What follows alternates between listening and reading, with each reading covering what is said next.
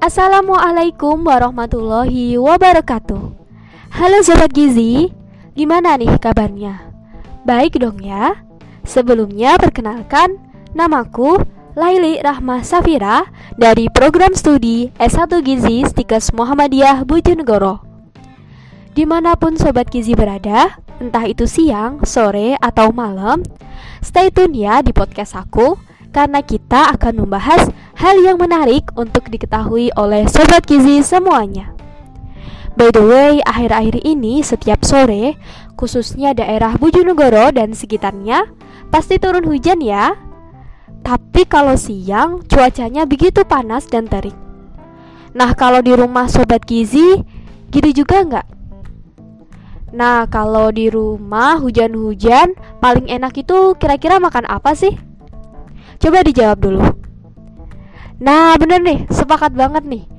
Mie instan kuah pakai telur dan cabe. Wah, ada juga nih yang tim mie instan goreng nih. Tapi emang bener kan ya? Kalau hujan itu pasti nyetok mie sebanyak-banyaknya supaya bisa menikmati syahdu syahdunya hujan bersama semangkuk kenangan. Eh, maksudnya itu semangkuk mie instan ya. Canda nih, canda.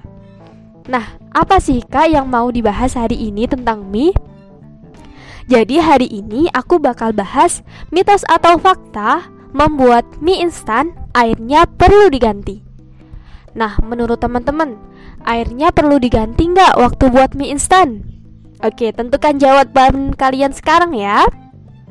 Wah, kalau aku perlu kak diganti. Soalnya kata ibuku, mie instan itu mengandung lilin. Jadi di airnya itu ada lilinnya kak Dan harus diganti. Oh gitu ya. Kira-kira apakah ada pendapat lain? Kalau menurutku, di airnya mie instan itu ada pengawetnya kak. Jadi harus dibuang tuh. Wah, oke banget nih pendapatnya. Tapi ya, kalau aku nih ya dari aku sendiri itu tim yang paling mager tuh ganti air dari mie instan. Ayo angkat tangan dulu nih tim yang paling mager. Wah, banyak juga ya ternyata yang mager. Nah, yang pertama kita bakal bahas dulu apa sih yang membuat mie instan menjadi makanan yang tidak sehat. Alasan pertama, mie instan itu berbahan dasar tepung. Kalau dimakan tanpa tambahan apa-apa, Artinya sobat gizi semuanya itu makan karbohidrat aja Nah apalagi kalau ditambah nasi nih Iya dong kak, masa makan mie instan gak pakai nasi? Nah itu masalahnya Jadi bakal terjadi double karbohidrat Jadi permasalahan utamanya adalah Mie instan ini tidak memiliki gizi yang seimbang Proteinnya mana? Seratnya mana? Oleh karena itu, Sobat gizi tidak boleh makan mie instan secara terus-menerus. Perutmu kenyang, tapi tubuhmu lapar akan zat gizi.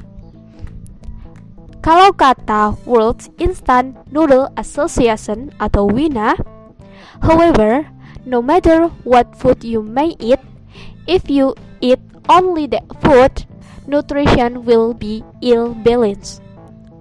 For balance dietary life, please eat various foods such as fish, vegetables, together with instant noodles. Nah, jadi katanya WINA ini atau World Instant Noodle Association, kalau kita ingin gizi seimbang saat makan mie instan, kita harus menambahkan makanan yang bervariasi. Seperti nambah ikan dan sayuran, Nah tadi bagi temen-temen sobat gizi yang udah dikasih telur nih mie instannya udah bagus udah bagus banget tuh. Tinggal nambahin sayurnya ya. Nah sayurnya sayur apa tuh kak enaknya? Kalau aku sendiri sih sukanya pakai sayur sawi atau tomat. But itu tergantung sobat gizi nih ya, sukanya pakai sayur apa. Oke, kita lanjut ya. Alasan yang kedua, mie instan itu tinggi natrium dari bumbunya. Apa sih kak natrium itu? Itu loh, garam. Coba deh, yang nyetok di rumah mie instannya bisa dicek label gizi kemasan. Yang mana dalam satu kemasan mie instan bisa memenuhi 40 90% kebutuhan natrium sehari. Nah, aku coba cek langsung ya di mie instan yang ada di stok lemari aku yang dengan merek mie set mie es titik-titik ya. Di sini tertulis garam atau natriumnya sebesar 1040 mg dan memenuhi sebesar 69% kebutuhan natrium dalam sehari. Bayangan bayangin tuh, bayangin. 69% loh ya ini. Jadi kalau sehari makan mie instan dua kali, lewat dah itu dari kebutuhan sehari-hari. Nah, emangnya kenapa kak kalau mengkonsumsi garam kebanyakan? Garam dan gula merupakan pengawet alami, tapi konsumsinya harus dibatasi. Menurut Jurnal Gizi Klinik Indonesia volume 12 nomor 2 bulan Januari 2016, meningkatnya konsumsi natrium berhubungan dengan hipertensi dan meningkatkan resiko penyakit jantung dan stroke. Meskipun hipertensi, penyakit jantung dan stroke biasanya terjadi pada orang dewasa, penyakit ini juga bisa berawal dari anak-anak yang mana mengalami tingkat konsumsi tinggi pada natrium.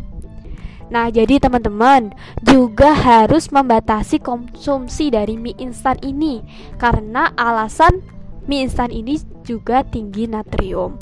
Lebih baik mencegah kan daripada mengobati? Oke, selanjutnya aku bahal, bakal bahas tentang fortifikasi dari mie instan. Wah, apalagi tuh Kak fortifikasi juga ya? Nah, tingginya tingkat konsumsi mie instan ternyata mendorong pemerintah untuk membuat mie instan ini jadi lebih bergizi, meski dijual murah loh. Yaitu dengan fortifikasi atau penambahan zat besi dan beberapa vitamin mineral lainnya pada tepung terigu. Contohnya adalah vitamin B3 dan B9 yang merupakan jenis vitamin yang bersifat larut dalam air. Nah, di mie instan yang aku pegang sekarang, aku bakal sebutin nih seberapa banyak kandungan fortifikasi dari vitamin dan mineral dalam mie instan. Nah, vitamin B3 memenuhi 30% kebutuhan sehari. Kemudian vitamin B9 memenuhi 25% kebutuhan sehari dan zat besi memenuhi kebutuhan 10% dalam sehari.